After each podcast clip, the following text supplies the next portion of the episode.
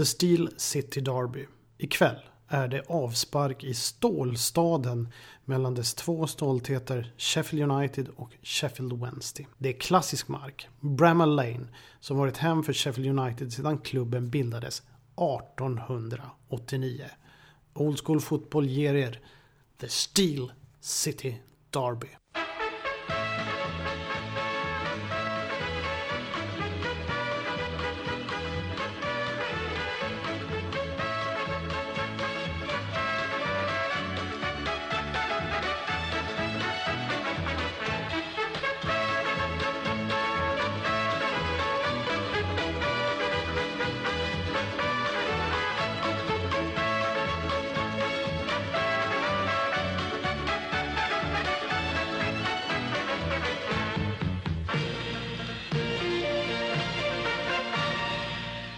Klassisk mark. Det är nog århundradets understatement. Bramall Lane är den äldsta arenan, åtminstone i de större sammanhangen, där professionell fotboll fortfarande spelas. Faktum var att även Sheffield Wednesday såväl som Sheffield Football Club spelade inledningsvis på just Bramall Lane. Men jag tror det så som när Everton Football Club i Liverpool lämnade Anfield Road som var deras första arena där de vann sitt första ligamästerskap. Och sen tog, bildades Liverpool Football Club. Att det även här handlade om en dispyt avseende hyran. Och nu är det bara Sheffield United som spelar på Bramall Lane. Men även Sheffield Wednesdays Hillsborough har ju funnits sedan 1800-talet och är en av de berömda arenorna inom engelsk fotbollshistoria. En av de största, en av de mest kända, en av de mest använda. Där det har eh, varit sorger, till exempel Hillsborough-katastrofen, men också många glädjeämnen. Den har också varit eh, värd för stora fotbollsturneringar som inte bara Sheffield Wednesday har deltagit i. Båda klubbarna har också ett stort följe, alltså fans. Eh, och det här är ju sedan bildandet på 1800-talet. Och det är ett klassiskt följe får man väl säga. Vilket bygger på en lokal förankring. Då det aldrig riktigt lyckats nå ut till den stora internationella varumärkesstriden som man ändå får säga tog fart på 90-talet. Eh, I och med Champions League, i och med att alla pengar pumpades in. Sky Sports och eh, så vidare. Där var Sheffield-klubbarna aldrig riktigt med.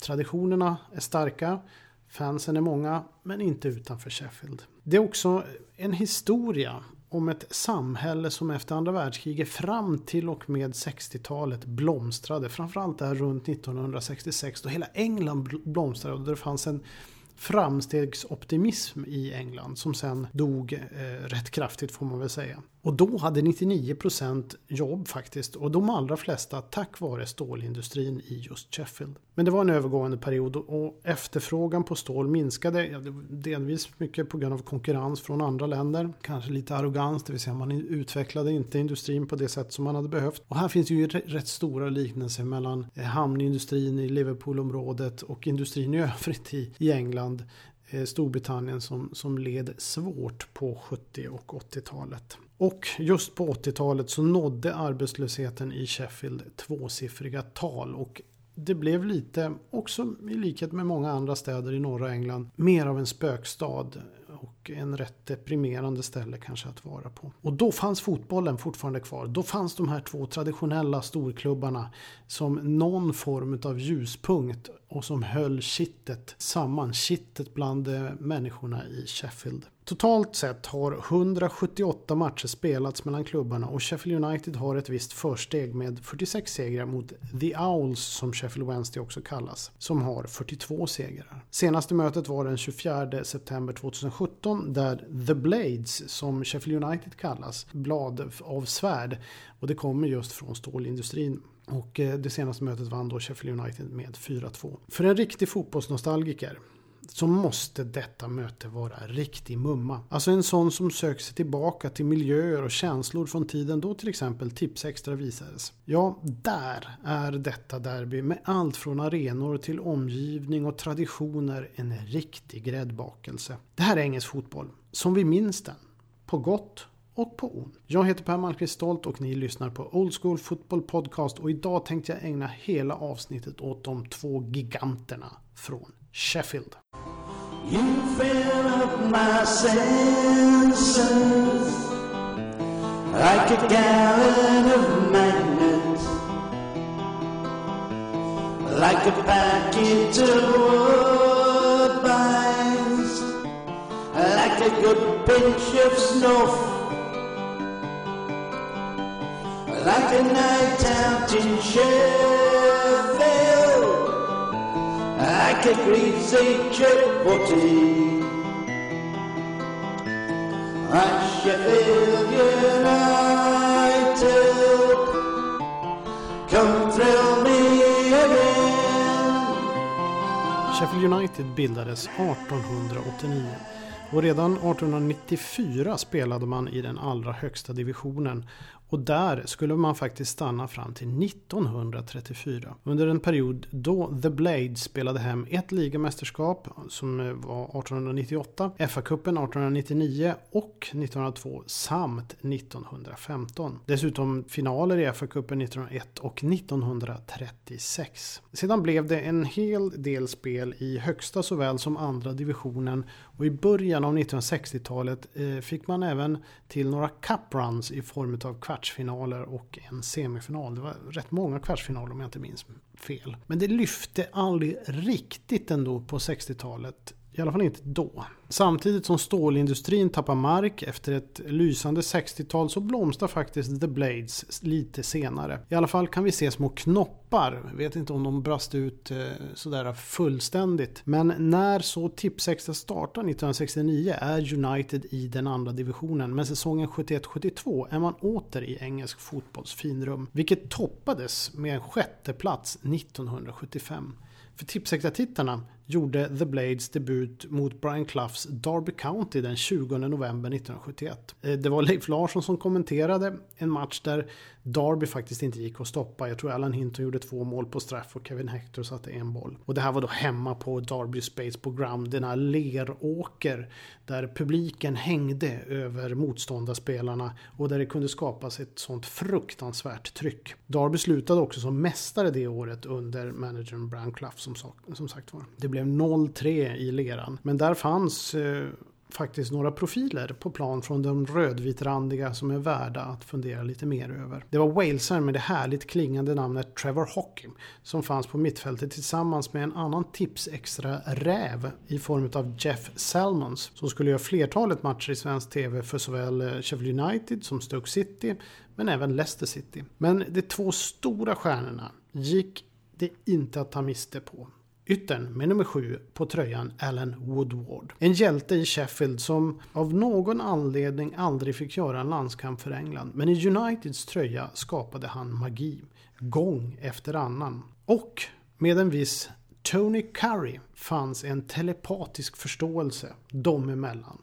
Det har de beskrivit själva. Att de visste indirekt vart den andra var. Och Tony Curry är Sheffield Uniteds största genom tiderna får man väl ändå säga. En fotbollsmagiker som nämndes i samma andetag som den tidens stora lirare som Alan Hudson, Roddy Marsh och Stan Bowles. Ja, då vet ni ungefär vilken typ han var. På 70-talet fanns de här fantastiska lirarna som inte riktigt inordnade sig i taktiska mönster och så vidare, men alla älskade dem. 17 landskamper blev det för England och även spel i Leeds United samt Queens Park Rangers. Så Tony Curry har ni definitivt eh, sett, ni som växte upp med Tips Extra. Men det är i Sheffield United han för evigt inte bara är en legendar utan sannolikt också en legend. Den 10 mars 1973 får The Blades åter chansen i Tipsextra efter att den planerade division 2-matchen faktiskt mellan Queens Park Rangers och Aston Villa ställts in. Det var ju inte så vanligt att man visade division 2-matcher eller andra divisionsmatcher. Men eh, just Aston Villa har man visat rätt ofta som andra divisionslag. Denna gång kommenterades tillställningen av ingen mindre än legendaren Lennart Hyland.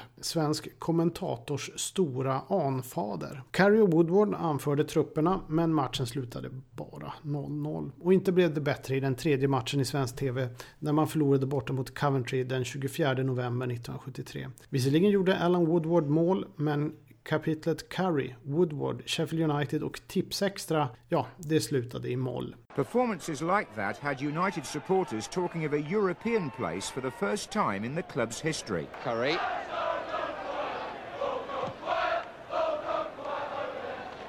Woodward. And connected on the near post. Curry, yes! Sheffield United have equalised within two minutes, and Curry got the final touch. Woodward on the far side coming in now, and Coleman lost it, and Woodward has scored.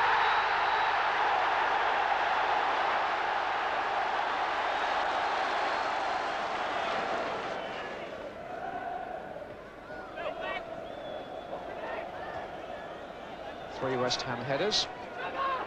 And the ball now with Gould. Curry was in the way. And Woodward kept it in and found Curry. Field and Kamak to the left. Still Curry. What about that? A quality goal by a quality player. 3-2 to Sheffield United and Curry the scorer. His second of the match and they don't come any better. He sized up the situation, he looked left and right. He went on, found the space for the shot and placed it so sweetly past Day who could do nothing about it.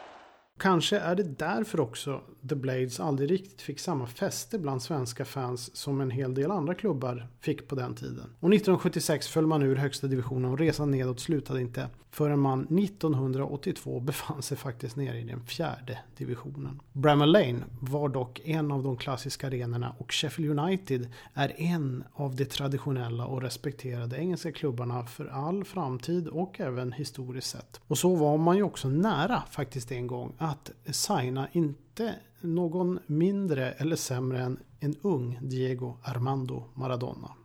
Och nu går jag in på en liten parentes. Vi, vi beger oss lite bort, för jag tänkte det är kul den här historien om eh, den argentinska kopplingen i Sheffield United på 70-talet. I slutet av juni 1978 svarade Tottenham Hotspurs numera då avgångne men ack så legendariska manager Bill Nicholson i telefonen inne hos den dåvarande managern Keith Birkinshaws rum. Man säger att det var så. En del säger att, hävdar att Bill Nicholson fick samtalet hem till honom. Men Bill Nicholson var rätt ofta och eh, träffade Keith Birkinshaw. De förde diskussioner och Nicholson hade ju fortfarande ett jättestort nätverk så han kunde hjälpa Birkinshaw med eh, värvningar. Och på andra sidan var faktiskt Sheffield Uniteds dåvarande manager Harry Haslam. Det var en person som fanns med i Nicholsons stora nätverk. Och dessutom var Haslam god vän med Birkinshaw. Haslam frågade om Spurs var intresserade av den argentinske mittfältaren Osvaldo Ardiles. Det var två spelare från det argentinska VM-laget 1978 som var till salu. Även eh, en viss Ricardo Villa. Och som Haslam själv sa, Oscar Arce, who is on my staff at Bramall Lane, told me about them and I don't think we could afford the money.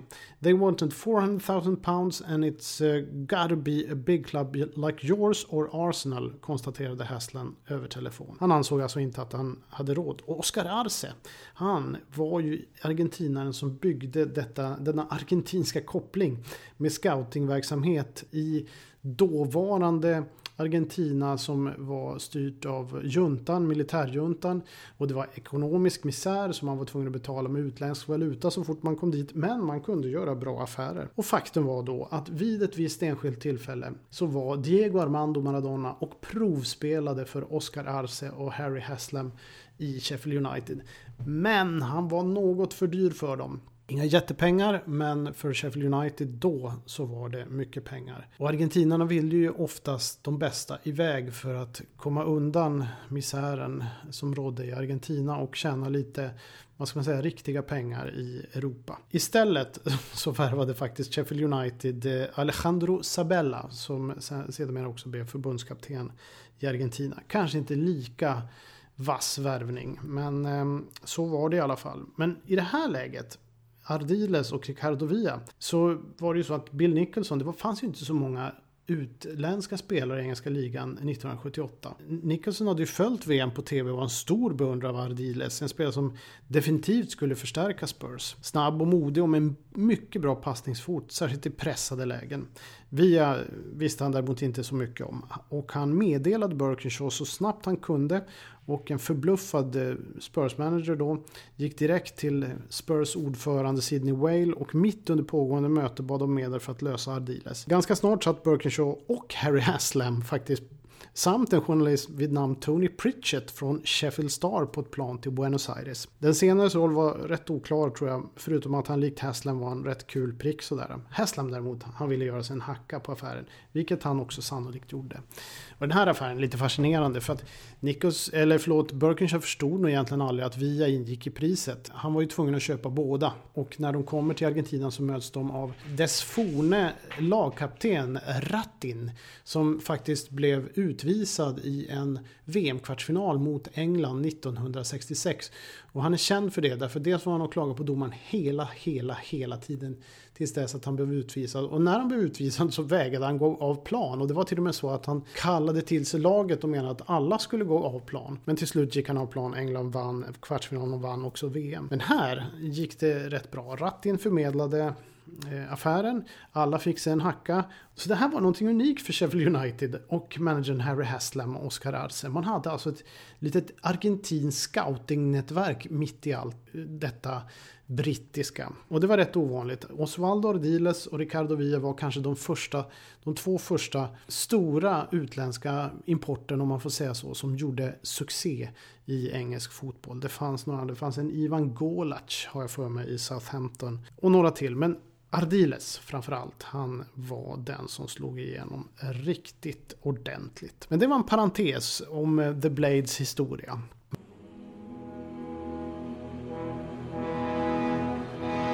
Don't cry for me, Argentina. The truth is, I never left you. All through my wild days, my mad existence, I kept my promise. Don't keep your distance. Have I said too much? There's nothing more I can think of to say to you.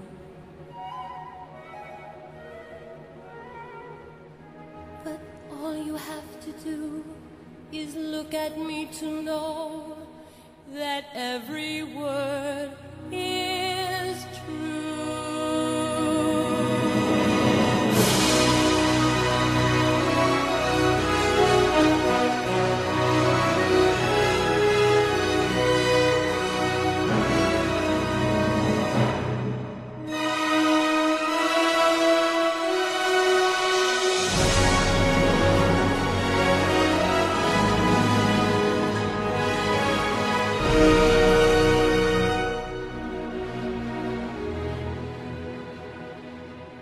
Men vägen tillbaka upp för Sheffield United den kulminerade genom avancemang till högsta divisionen 1990 där man också skulle bli kvar till 1994. Så man hade återigen en, en fin tid där 90 till 94. Och därmed blev man ju också en av grundarna till Premier League 1992. Och det blev faktiskt ytterligare två tips matcher. Den 14 mars 1992 förlorade man hemma mot Manchester United med 1-2 efter att stjärnan och centern Brian Dean givit The Blades ledningen i den 22 minuten. Men det räckte inte för att stoppa Alex Fergusons Manchester United. Den 19 mars 94 spelades den sista tipsextra matchen för Sheffield Uniteds räkning.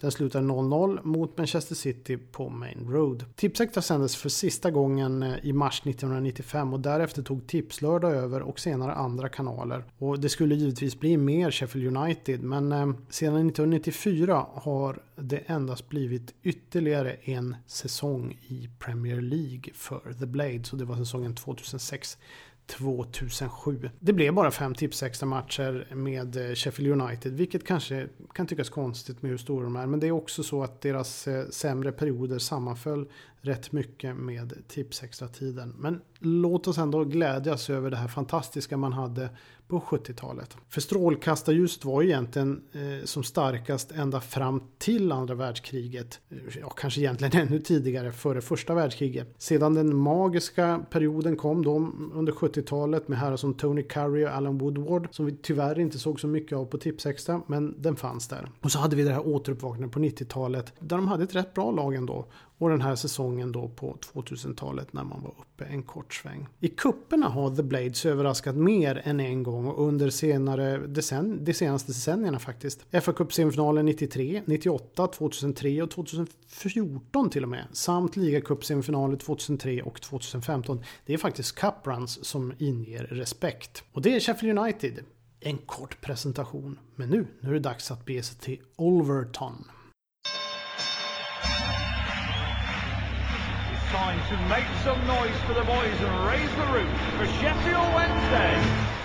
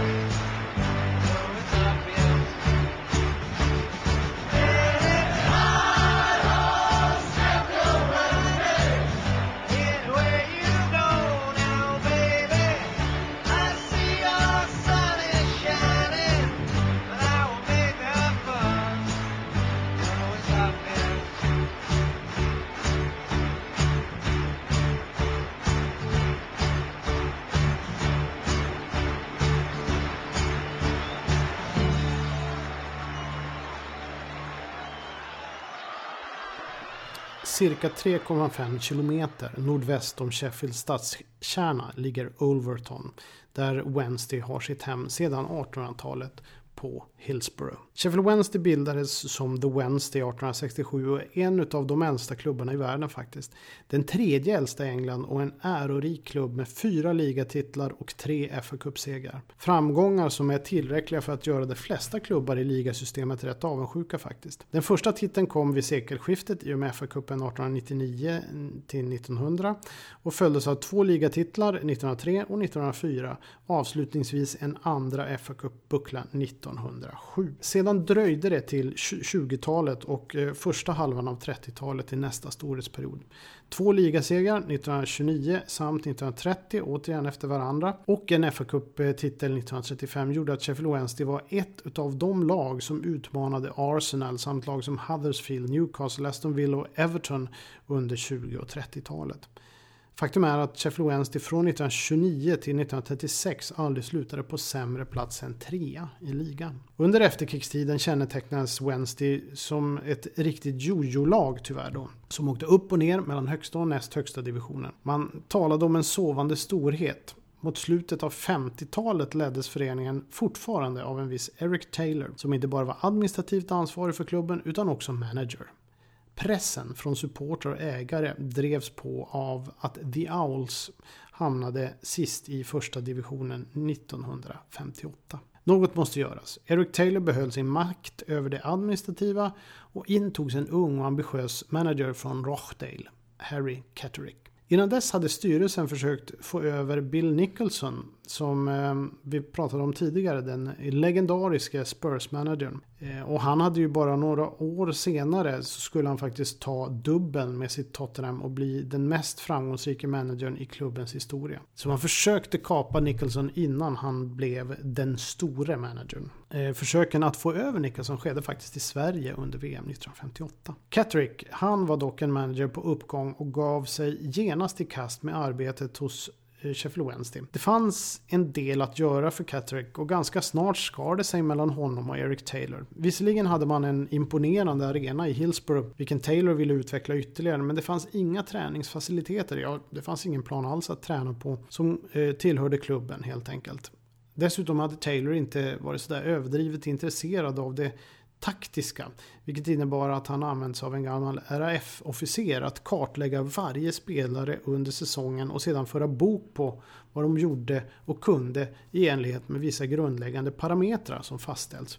Jag tänkte dra de här parametrarna. Och den ena viktiga var att ju oftare bollen är på motståndarens sida och helst straffområde, desto troligare är det att Wednesday gör mål. Alltså det är någon form av logik som de jobbade efter. En annan parameter som var viktig var att försvarsspelare ska inte hålla boll utan i första läget skicka upp den på motståndarens planhalva och helst straffområde. Det här är kanske ingenting som eh, Pep Guardiola skulle förespråka idag, men eh, på den tiden var det eh, rätt centralt för Sheffield Wednesday. En annan viktig parameter var inga pass mellan försvarare på Wednesdays planhalva. Vidare, varje spelare kommer att konfronteras med sin statistik två till tre dagar efter match. Och så den sista, forwards var instruerad att skjuta på mål när helst det fanns en möjlighet och skulle dessutom göra det x antal gånger per match för att inte bli petade. Det här var ju då en strikt statistiskt lagd RAF-officer som ehm, följde det här väldigt nitiskt i sin lilla bok. Och det kan tyckas lite komiskt men exempelvis forwarden Albert Quicksall konstaterade när det fått eh, kvoten att skjuta minst tre skott på mål per forward I'm going to shoot from the halfway line and get my quota in. Catterick avböjde vidare tjänster från den gamla RAF F-officeren och började bygga ett spel som skulle känneteckna honom framöver. Stilfullt och skickligt men också tufft och kraftfullt. Det fanns nämligen en hel del talang i truppen målvakten Ron Springett som även skulle spela för England och mittfältstrion Tom McCarney, Peter Swan och Tony Kay. Särskilt Tony Kay var ett riktigt råämne som senare liknas vid Leeds Billy Bremner som vid det här laget inte hade slagit igenom ännu, fast bättre menade många. Tyvärr kunde, skulle Kay och, Swans spelarkarriärer sluta på tok för tidigt efter en spelskandal några år senare. Den uppdagades dock först när Catterick var manager i Everton och hade vunnit ligan 1962-63 med Everton och med Tony Kay som centralgestalt i det laget. Tony Kay gick ju till Everton och eh, spelskandalen uppdagades efter. Så lyssna gärna, för den, jag har den här eh, storyn om spelskandalen eh, på Old School Football Short Stories, ett kort program. Så jag lägger ut den så kan ni lyssna på den. Det var en skandal som ehm, briserade rätt kraftigt faktiskt, eller riktigt stort under 60-talet, 1964 om jag inte missminner mig. Och det fick också ödesdigra konsekvenser för alla inblandade fotbollsspelare. Catrick sålde också forwarden Quicksolve tämligen fort får man väl säga, efter eftersom han var en typisk spelare som eh, Catterick hade lite svårt för. Lite av en lyxlirare som var favorit hos fansen men inte hade det där modet och vinnarinstinkten som Catterick krävde. Det blev seger i andra divisionen 59 följt av en femte placering i första divisionen och en semifinal i FA-cupen 1960. Och det här tyder på att Catterick var på väg att bygga något stort. Han blev senare döpt till Mr Success då han säsongen 1960-61 såg till att Sheffield Wednesday hamnade tvåa efter just Bill Nicholsons ostoppbara Tottenham. Men där tog det stopp. Ideliga konflikter med styrelser och Eric Taylor om Catricks egna villkor tog till slut en ände med att Catrick sa upp sig. Under perioden konstaterade Catrick att han var den sämst betalde managern i första divisionen och använde förfrågningar från andra klubbar för att löneförhandla utan eh, någon större framgång ska väl erkännas. Dessutom anklagade han Taylor för att hellre satsa resurser på Hillsborough än att förstärka förstärka truppen. Droppen, den var när den sista pusselbiten skulle läggas av Catrick i form av den skotske centern Joe Baker. Men Catrick nekades medel så, ja, då sa han upp sig. Sheffield Wednesday blev aldrig bättre än så, men fortsatte att under Vic Buckingham, som, Vic Buckingham var för övrigt en, en manager som vi ska prata mer om i det här. Det var en manager som faktiskt var och nosade och man säger till och med att han var en av skaparna av totalfotbollen. Gjorde större karriär på kontinenten än i England faktiskt. Men vi återkommer. Men det var i alla fall under Vic Buckingham och sedan Alan Browns ledning så gjorde ändå Sheffield Wednesday hyfsat ifrån sig ligan och man fick uppleva en höjdpunkt i och med FA-cupfinalen 1966. Och motståndare var då inte mindre än Harry Cattericks nya klubb Everton som eh, tagit ett ligaguld några år tidigare då. Och där fanns det resurser som eh, Catterick nekades i Sheffield. Matchen slutade med Evertons seger 3-2 efter att Sheffield Wednesday tagit ledningen med 2-0 och har faktiskt gått till historien som en av de stora cupfinalerna. Och 1966 var också året då framstegsoptimismen frodades som mest i England. Inte minst i Sheffield Sheffield där orderböckerna för stålindustrin var fyllda för lång tid framöver, trodde man. En magisk sommar för Sheffieldborna. Men på något sätt var den här fa Cup-finalen ändå, det kulminerade. När de ledde med 2-0, då var livet på topp för en Sheffieldbo som hejade på Sheffield Wednesday. Och sen gick det väl i och för sig mest utför efter det. Säsongen 1969-70 åkte då The Owls ur högsta divisionen samtidigt som Catterick tog ytterligare en ligatitel med Everton. Olika fall är ödets lotter och dessutom så åkte nu stålindustrin ned i fallet. Everton kicked off. Sheffield in white. Jimmy McCalliog in possession. Off an Everton player. He shot, found the net. Goal for Wednesday.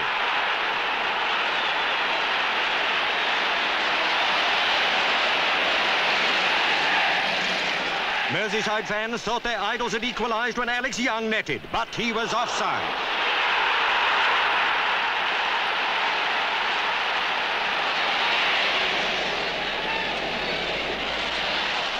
In high spirits, Wednesday continued through the dying seconds of the first half, still ahead by one goal.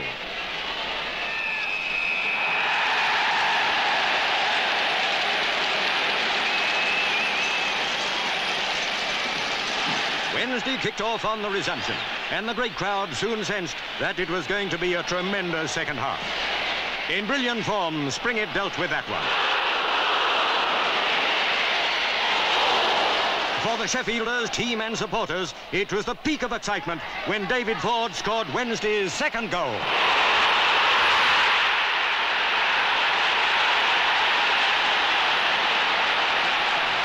It would have been understandable if Everton had wilted at this stage.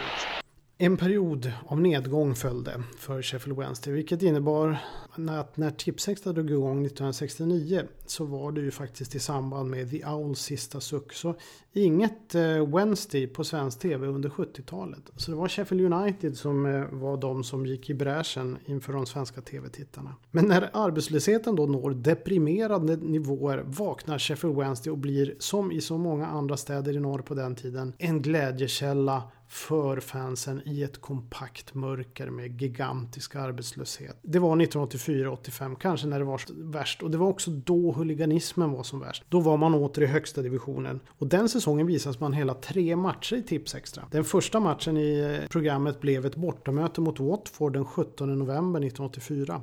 Faktiskt eh, säsongens Tipsextra premiär var det. En viss ytter vid namn John Barnes avgjorde till Watfords fördel och matchen kommenterades av en viss Ingvar Oldsberg. I december 1984 mötte man blivande mästarna Everton på Goodison Park i en 1-1 match och det hela avslutades med en Tipsextra-klassiker den femte januari 1985 i FA-cupens tredje omgång där Fulham besegrades på bortaplan med 3-2. Så många mål tillhörde undantagen på den tiden faktiskt i Tipsextra. Wednesday var numera en klubb eh, med rätt så många riktigt bra etablerade spelare såsom centern Lee Chapman, målvakten Martin Hodge, ytterbacken Mel Sterlen, den gamle mittbacksikonen från Everton Mick Lyons, trotjänaren Nigel Worthington, flärdfull yttern Brian Marwood, den en gång så lovade forwarden Imre Varadi, för att nämna några. Därefter skulle The Owls visas med jämna mellanrum i Tipsextra fram till programmets slut 1995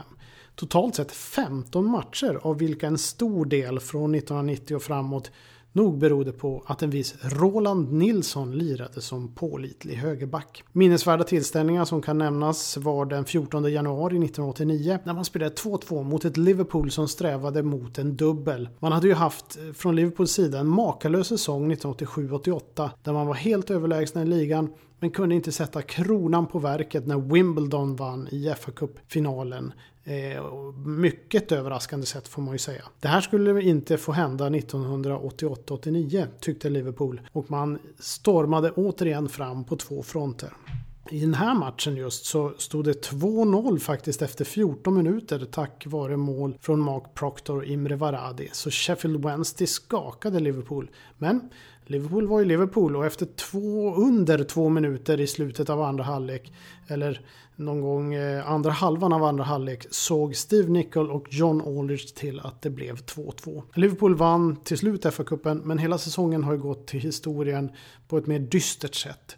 Faktiskt just Hillsborough, några månader senare, spelade Liverpool en fa Cup semifinal mot Nottingham Forest där 96 Liverpool-fans dog tack vare att de blev ihjälklämda. Man skyllde på att det här var huliganism men det visade sig vara polisen och organisationen runt omkring som hade varit helt usel och dessa människoliv spilldes i onödan. Ett för evigt trauma för Liverpool Football Club och egentligen väldigt många Liverpoolbor. Det är också en av anledningarna till att man i Liverpool inte se någon människa köpa The Sun. För de skrev väldigt mycket om huliganismen eh, och att det skulle vara orsaken direkt efter matchen. Men man vann fa Cup-finalen mot ärkerivalen Everton efter förlängning med 3-2 i en av de mest känslosamma matcherna någonsin på Wembley. Tyvärr så vann man inte ligan utan när det var en omgång kvar så kunde man förlora med ett mål hemma på Anfield mot Arsenal. Men man förlorade med två mål.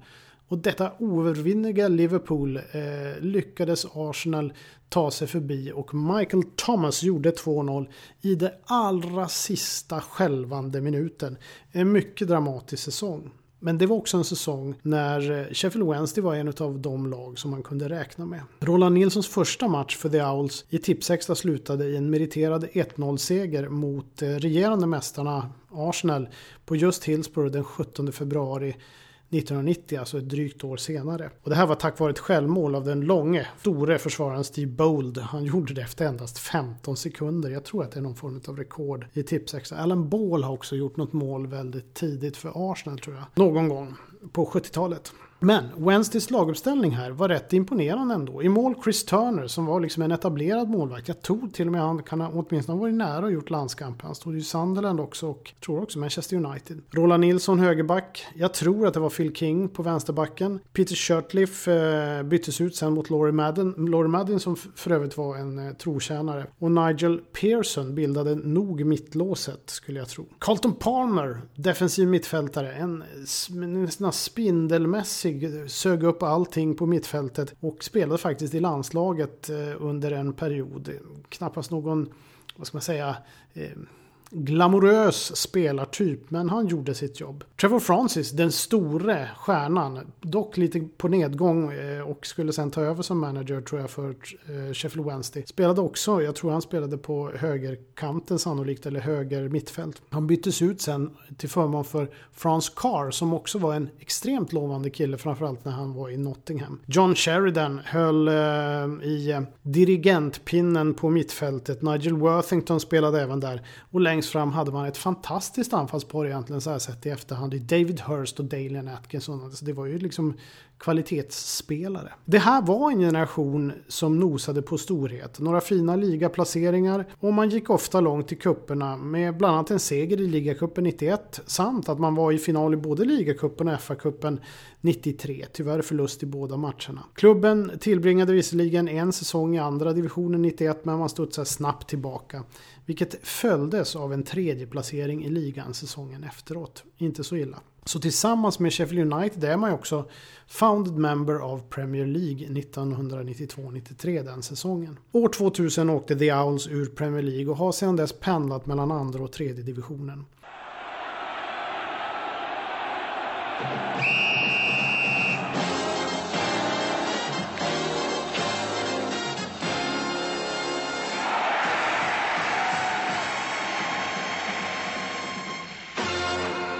Under Tipsextras näst sista säsong, 93-94, fick vi uppleva en Sheffield-bonanza. Tre matcher på raken. Den 5 mars 94 förlorade Wednesday hemma mot då starka Newcastle med 0-1. Men man fick eh, chans till revansch veckan efter redan, eh, fast det blev bara 1-1 borta mot Southampton. Där man kunde se en viss Matthew Letizier, kommer ihåg den här fantastiska liraren i Southampton som var liksom en one club man. Southampton hela livet på samma sätt som en annan lirare, Trevor Brooking, spelade i West Ham hela sitt liv. Men återigen hade man en mycket vass laguppställning i Sheffield Wednesday. I mål Kevin Pressman, Rolle Nilsson på högerbacken och andra backar var Simon Coleman, Andy Pierce och mittbacken Des Walker. Des Walker var ju mångmeriterad landslagsman och en oerhört stor spelare på 90-talet. Carlton Palmer spelade givetvis kvar på mittfältet. Chris Bart Williams, en mycket lovande mittfältare som jag också jag är inte säker, men jag tror han gjorde landskamper för England. Sen hade man också Phil King då, som var med och kämpade lite grann. Och så den här lilla yttern, Andy Sinton. Jag får man var lite sån här, nästan såg nästan knubbig ut. Men han, det var nog mera kroppsbyggnaden.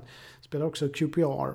Riktigt duktig spelare. Undrar om han inte spelade lite grann i Tottenham också under en period. Han spelade på yttern eh, och sen hade man också Gordon Watson och Mark Bright eh, som forward. Mark Bright som eh, slog igenom i Crystal Palace tillsammans med Ian Wright som sen blev stor eh, spelare i Arsenal. Bright och Wright, det var ett begrepp i början av 90-talet. Men återigen, stark laguppställning. Ytterligare en vecka senare, den 19 mars, möttes Manchester City och Sheffield United i en tillställning som slutade 0-0.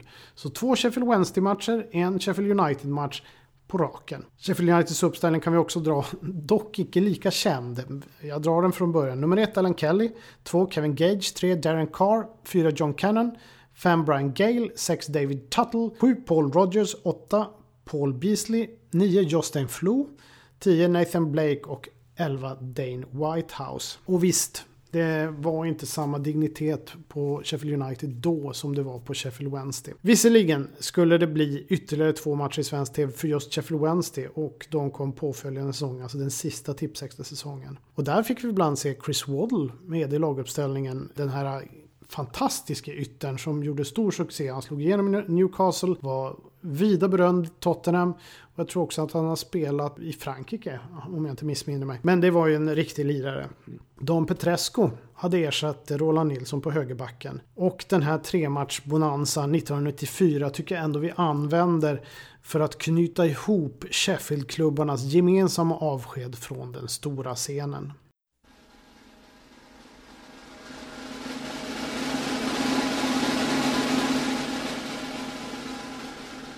Men det närmar sig igen. Och ikväll, för er som lyssnar på fredagen, för man kan lyssna på den här när man vill, men för er som lyssnar på fredagen, använd den som uppladdning. För då är det dags för Stålstadens prestigefyllda derby. Denna gång är det United som har hängt på toppen. En god bit ni inte får missa. Häll upp en ale eller en bitter och låt soffan omfamna känslan av en fotbollsupplevelse som du upplevde som liten. Eller kanske som dina föräldrar eller mor och farföräldrar upplevde när de var lite yngre. För det börjar ju bli en tid tillbaka i tiden när Tipsextra sändes. Men vi knyter därmed ihop generationer av fotbollsintresse med i alla fall Sheffield United och Sheffield Wednesday. Vi ska kolla på fredag. Fredag kväll 20.45. Old School Football i väntan på lördag. Skål på er!